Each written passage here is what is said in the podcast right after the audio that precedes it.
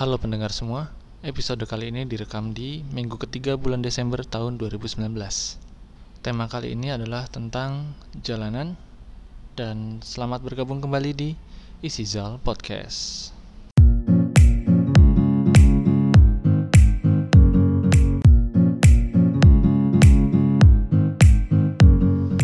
Selamat datang kembali gue ucapkan kepada para pendengar di mana pun berada Entah kalian mendengarkan menggunakan Spotify, Anchor, eh, Google Podcast, Cashbox, eh, atau apa pun yang kalian dengar Selamat datang kembali ke Isizal Podcast Dan semoga kita selalu dalam keadaan sehat dan tidak kekurangan satu apa pun Karena seperti kita ketahui cuaca belakangan ini cukup tidak stabil Kondisi di, di luar juga mendung, mungkin akan hujan dan kita harus terus jaga kesehatan. Oke guys, kembali ke topik kita nih. Gua akan bahas tentang jalanan. Kira-kira apa yang muncul di otak lu pertama kali ketika gue bilang jalanan? Gue coba tebak 90% dari kalian pasti akan berpikiran macet.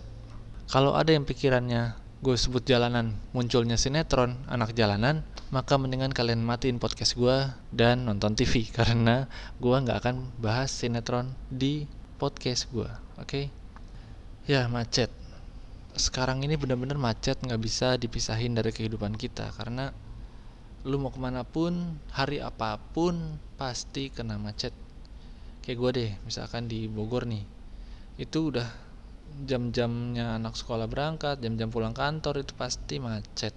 Sekarang kalau kita tanya, kenapa sih bisa e, terjadi kemacetan ini? Faktor yang paling jelas adalah karena penggunaan kendaraan pribadi yang tidak terkontrol. Contohnya nih, dalam satu keluarga itu misalkan mereka keluarga kecil, ada ayah, ibu, dan tiga orang anak. Ayah punya mobil sendiri untuk berangkat ke kantor, ibunya punya mobil sendiri, anaknya mobil sendiri. Itu udah bisa jadi tiga atau empat mobil dalam satu rumah. Kalaupun motor pasti semuanya anaknya yang SMA pakai motor, yang kuliah pakai motor, yang kerja pakai motor, bapaknya pakai motor, mungkin ibunya pakai motor. Ini udah lima motor satu rumah. Ini hanya menyebabkan eh, kendaraan di jalanan tuh padat. Nah, gimana solusinya? Solusinya ya menggunakan alat-alat transportasi umum kayak bis, kereta, atau mungkin beca, delman kalau masih ada. Jadi mengurangi penggunaan kendaraan pribadi. Cuman sekarang balik lagi, kenapa sih orang lebih milih menggunakan mobil pribadinya ketimbang menggunakan bis. Yang pertama, pasti dari segi fasilitas dan kenyamanan. Misalkan lu naik e, bis deh, naik bis itu e, bis bis miniarta gitulah kan, atau kopaja itu lu pasti pertama gerah, terus kadang penuh banget, itu lu nggak nyaman, jadi lebih nyaman lu naik mobil pribadi. Mobil pribadi pasti ada AC-nya dong.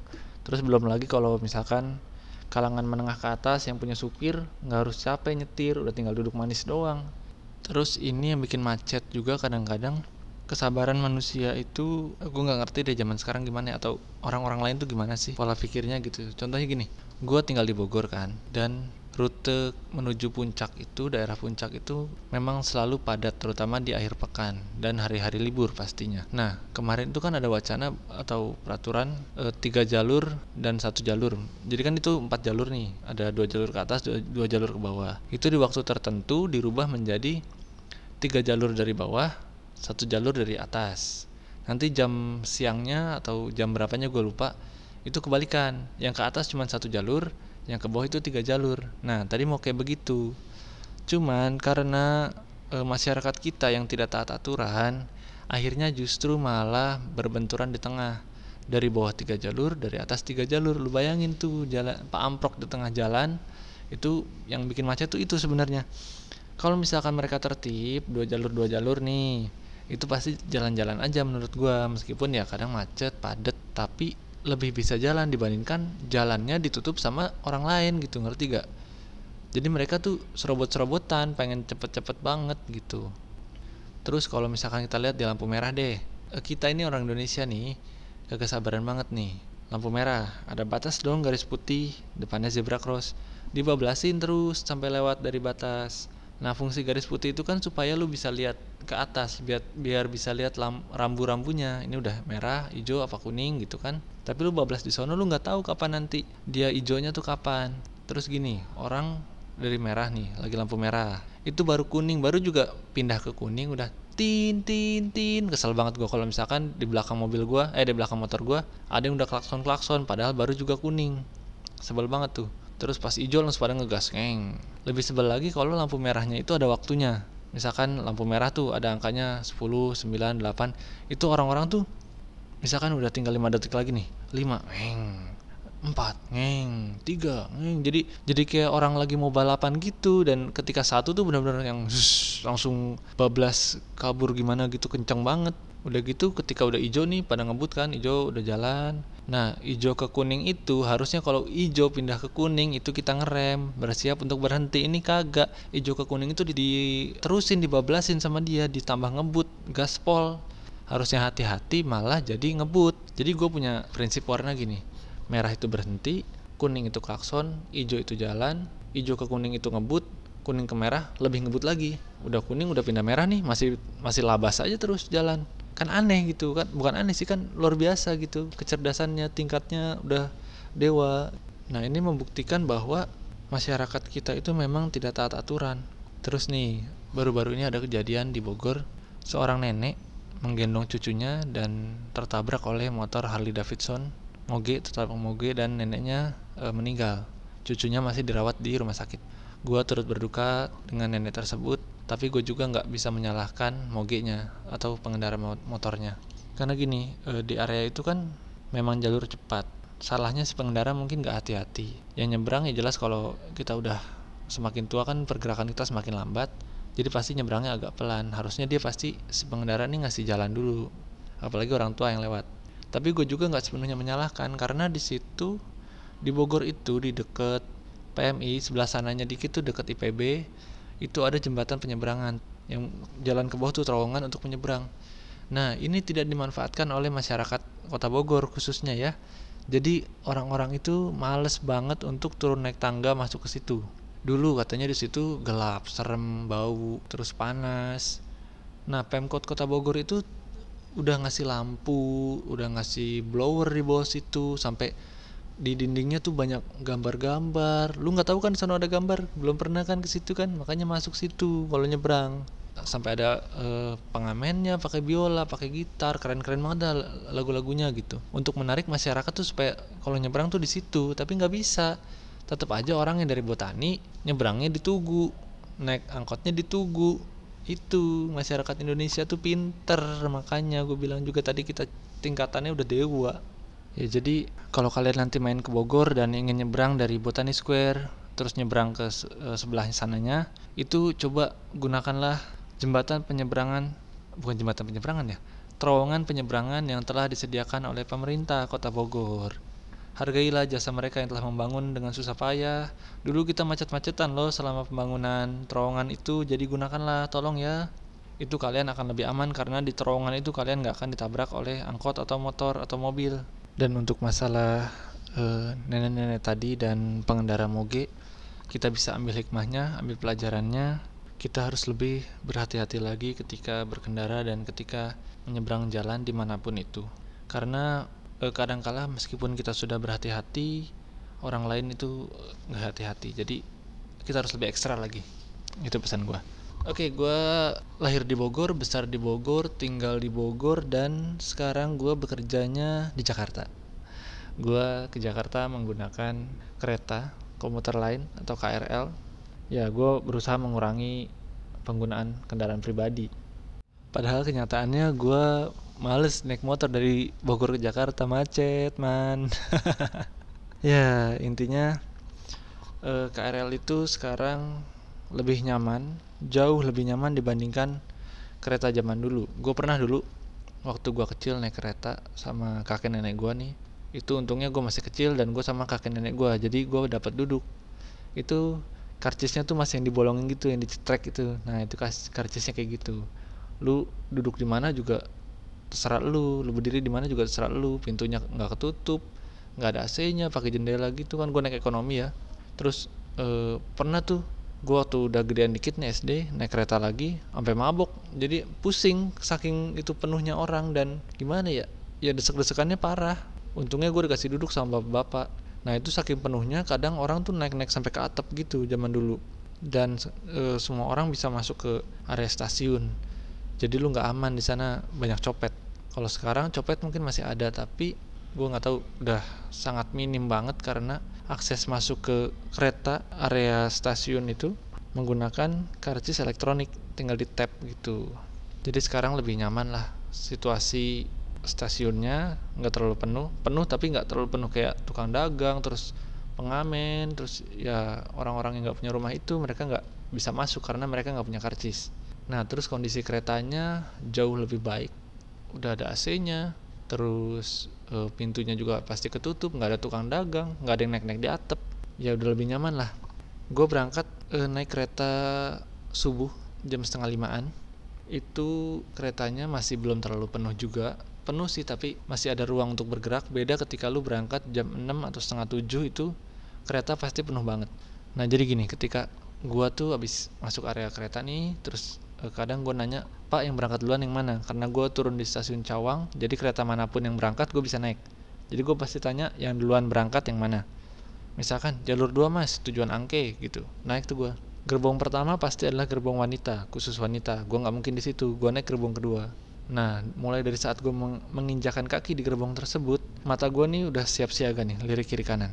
Jadi berusaha mencari bangku yang kosong. Jadi satu bangku panjang itu bisa terisi oleh maksimal 7 orang. Gue cari di mana yang masih 5 atau 6. Jalan misalkan gerbong pertama kosong uh, penuh. Gue coba gerbong kedua dan gerbong ketiga biasanya masih ada tempat duduk. Tapi kadang-kadang gini, sebelnya gue itu mereka mereka tuh kalau duduk terutama bapak-bapak nih gue nggak ngerti kenapa dan mas-mas mereka kalau duduk dan pura-pura tidur itu kakinya pasti dilebarin jadi itu mereka masih berlima sebenarnya tapi dilebarin gitu gue nggak ngerti apa mereka terbiasa duduk seperti itu atau mereka anaknya sultan apa gimana gue nggak tahu. Posisi duduknya tuh kayak dilebar-lebarin kayak supaya orang tuh nggak duduk di situ. Mungkin biar nggak desek-desekan tapi kan mau gimana pun setelah nanti lu jalan berapa stasiun pasti ada orang yang ngisi pasti penuh. Jadi ayolah mas-mas yang dengerin podcast ini tolonglah dibantu. Kalau duduk tuh kakinya nggak usah dilebar-lebarin rapetin dikit. Kasihan nanti ada yang mau duduk jadi eh, nggak bisa duduk kadang di toel juga kagak bangun-bangun mas-masnya pura-pura tidurnya hebat banget. Gue nggak tahu itu pura-pura tidur apa pura-pura mati. Udah amat. Oke okay, gue pulang ke rumah pukul empatan kali ya nyampe stasiun. Kereta jam 4 itu masih cukup kosong tapi kadang kalau gue ada kegiatan di tempat kerja gue bisa pulang agak sore jam 5 jam 6 jam 7 atau jam 8 nah kalau jam 5 sampai jam 7 ini biasanya ini adalah waktu di mana kereta sangat tidak manusiawi bagi saya karena tuh bener-bener yang empel-empelan bener-bener yang desek-desekannya parah.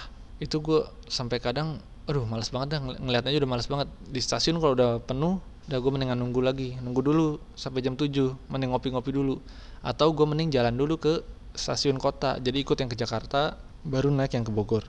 Nah resiko pulang jam sore itu lebih parah dibandingkan jam siang karena orang jadi lebih galak lebih ganas bro ketika lu masuk nih kadang bapak-bapak nggak mau ngalah. Dia karena pengen turun stasiun berikutnya jadi nggak mau geser gitu. Bentar lagi dia mau turun biasanya gitu.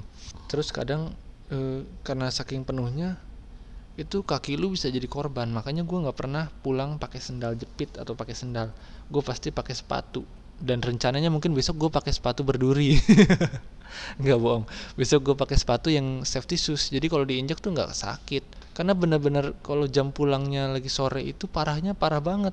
Lu berdiri kayak gimana ya? Lu nggak usah pegangan aja lu nggak akan jatuh. Karena lu bener-bener dihimpit oleh orang dan orang di sana. Udah gitu lu harus pakai masker. Kenapa? Karena kadang nggak cuma jam pulang doang. Ketika lu jam berangkat aja udah ada bapak-bapak atau mas-mas atau mbak-mbak atau ibu-ibu yang sedikit beraroma tidak sedap. Bukan sedikit tapi banyak sekali tidak sedapnya bau ketek itu aduh ya ampun nggak ngerti gue itu apakah bulunya gimbal bulu keteknya gimbal apa gimana gue bingung. Pokoknya bau ketek banget itu pasti ada. Terus kadang nih kadang juga suka bau kentut guys. Jadi pernah gue naik naik di satu gerbong itu. Nah tahu-tahu uset itu bau banget. Entah dia masuk angin apa gimana. Untungnya gue selalu sedia minyak wangi di tas gue jadi selalu gue semprot-semprot. Dan kentut pun manusiawi sebetulnya. Cuman yang gak manusiawi adalah ka kamu telah meracuni satu gerbong dengan bau yang bikin orang pengen muntah. Eh, ya sudah gak usah kita bahas. Nah berikutnya juga adalah di kereta itu kadang yang paling galak adalah ibu-ibu dibandingkan bapak-bapak. Jarang banget gue nemuin bapak-bapak yang rusuh lebih banyaknya ibu-ibu guys. Kan gue kadang memang bukan pura-pura tidur ya kadang ketiduran. Karena dari Bogor kan subuh banget. Itu gue turun di Cawang jadi ada beberapa 10 stasiun lebih dan gue tidur. Nah ini kadang ibu-ibu ini pengen duduk dan dia tuh banguninnya nggak slow. Entah kaki gue diinjek lah entah sikut-sikut lah. Pokoknya dia dengan kasarnya itu membangunkan gue ketika lu tidur dibangunin dengan cara yang gak enak itu kan bikin sakit kepala ya. Dan itu pengen bawaannya pengen marah-marah. Akhirnya gue kan marah-marah sama ibu-ibu akhirnya udah gue gue melek nih gue bangun gue omelin enggak bukan gue omelin gue bilang aja gue mau duduk duduk aja. Tapi kalau bangunin orang itu nggak gini caranya. Ada sopan santunnya gitu ada adabnya. Nah itu yang kadang-kadang hilang dari wanita-wanita kereta itu. Ya dan peraturan di kereta adalah lu nggak boleh makan nih. Lu nggak boleh makan lu nggak boleh bawa hewan peliharaan lu nggak boleh duduk di lantai menggunakan alas. Mau koran kayak mau kursi lipat kayak itu nggak boleh lu bawa di sana. Lu nggak boleh bawa barang-barang besar kayak kulkas terus sepeda motor mobil juga nggak bisa karena nggak muat. Bodoh amat Faisal. Ya udah abaikan. Eh, lu nggak boleh melakukan pelanggaran-pelanggaran itu. Kalau misalkan kayak bawa hewan, hewan peliharaan terus bawa barang besar gue ngerti ngerti gitu. Tapi gini nih gue kadang kan balik kerja tuh kan capek banget. Kalau harus berdiri sampai Bogor ya. Nah gue jongkok tuh. Kan itu gue rasa jongkok itu nggak mengganggu kenyamanan orang yang lain yang lagi duduk atau lagi berdiri. Karena gue kan jongkoknya di pojok di dekat pintu. Tapi gue diomelin sama mas-masnya nggak boleh mas maaf nggak boleh jongkok nggak boleh duduk gitu. Dan parahnya lagi kemarin nih ada kasus di kereta ada mas-mas yang merokok dengan santuinya sambil mendengarkan musik. Coba bayangin. Gue nggak ngerti lagi deh ini orang ini mungkin mengartikan larangan tidak boleh merokok di stasiun. Tapi tidak di gerbong kereta mas. Ya ampun. Dan peraturannya kan gini ketika kita melakukan pelanggaran itu eh, sanksinya mungkin akan diberhentikan di stasiun berikutnya. Mungkin orang ini mau turun di Bogor dan itu dari Cilebut. Ah gue ngerokok aja. Ah toh ujungnya juga gue turun di Bogor. Mungkin pemikirannya seperti itu. Dan itu aduh cerdas itu otaknya di mana mas? Ya ampun makanya kalau sekolah itu kalau guru ngomong tuh dengerin jangan pakai headphone. Astagfirullah. Benar-benar deh sih mas. Tapi katanya sudah ditangani oleh petugas dan diminta membuat surat pernyataan. Mudah-mudahan tidak ada yang meniru perlakuan mas-mas yang luar biasa cerdas ini. Yang paling parah ketika ada ibu-ibu naik motor sambil ngerokok. Lu bayangin nih Terus asapnya terbang kena mata kita. Kita tegur, Bu, matiin dong rokoknya, kan lagi naik motor. Terus dia pasti lebih nyolot dibandingkan kita yang jadi korban. Ya lu kalau nggak mau kelilipan di rumah aja, nggak usah naik motor. Kalau nggak, ya hidup-hidup gua, suka-suka gua. Kalau ibu-ibu naik motor sambil ngerokok, kita omelin, pasti mereka lebih galak daripada kita. Jadi perhatikan ya ibu-ibu, mohon maaf nih. Kalau ibu-ibu ada yang merokok sambil naik motor, tolong matikan dulu rokoknya gue berangkat kerja dari rumah naik motor sampai ke stasiun. Nah, kadang di motor pun gue merasa tidak nyaman ketika ada orang yang merokok di depan gue. Gue salah satu orang yang tidak suka rokok, entah apa pun pembenarannya, dan mungkin gue lebih pro ke vape karena asap dan baunya tidak mengganggu. Sekarang gini kita bandingkan nih, gue lagi enak jalan, set di motor nih, depan gue ada ngerokok tuh dengan asiknya, set, buh, buh. Nah itu abu rokok yang dia hisap itu ter berterbangan ke mana-mana. Dan gua meskipun gua pakai kacamata itu kadang abunya masuk ke mata gua. Dan ini bikin iritasi. Wahai mas-mas bapak-bapak di sana yang masih berkendara motor dengan sambil merokok tolong dong please deh mas. Di stop dulu rokoknya. Kalau naik motor naik motor aja. Kalau ngerokok ngerokok aja deh. Jangan dua-duanya. Abunya nyusahin orang. Belum lagi asapnya. Asapnya kan bikin nyesek. Baiknya kita tidak merokok karena asap itu bukan hal yang baik untuk kita hirup. Untuk paru-paru tuh nggak bagus ya. Selanjutnya yang bikin gue kesal adalah angkot. Kota Bogor terkenal dengan sebutan sejuta angkot. Angkot ini kadang-kadang berhenti di mana saja sesuka dia. Ada penumpang berhenti mau turun penumpang berhenti. Nah, ini yang membedakan kita dengan negara maju. Ya, jadi di sana kalau daerah situ halte bisnya misalkan jaraknya 20 meter eh, 100 meter gitu, ya lu jalan dulu. Kalau kita tuh enggak, lu di mana lu berhenti lu bisa nyetop seenaknya angkot dan miniarta. Mereka akan melipir dengan sendirinya. Di luar negeri tuh enggak gini. Ini yang kurang dari ketertiban masyarakat. Karena masyarakat kita tuh males, males banget jalan padahal cuma berapa meter sih paling kan. Dan mari kita akhiri podcast ini dengan sebuah apa ya quotes mungkin ya. Jadi gue pernah pulang kerja waktu itu gue pulang telat sekitar jam tujuhan atau jam 8 gue baru pulang. Gue satu gerbong dengan mas-mas uh, yang membawa sepeda lipat. Dengan setelan anak sepedanya uh, sling bag terus celana pendek kaos helm sepeda. Dan kaosnya itu keren banget. Gue gue emang pengen banget punya sepeda lipat untuk berangkat dari rumah ke stasiun terus dari stasiun ke tempat kerja. Tapi gue masih berpikir pertama apakah repot apa tidak di kereta yang karena kan gue jamnya penuh mungkin karena jam dia jam pulangnya malam jadi lebih leluasa membawa sepeda lipat. Kalau gue kan jam pulangnya jam pulang orang kerja itu lagi penuh-penuhnya tuh kereta. Nah gue kasihan kalau misalkan gue harus bawa sepeda lipat nanti malah mengganggu orang lain yang mau pulang kerja juga gitu. Gue masih berpikir ke sana. Terus yang kedua eh, kira-kira gue capek nggak ya?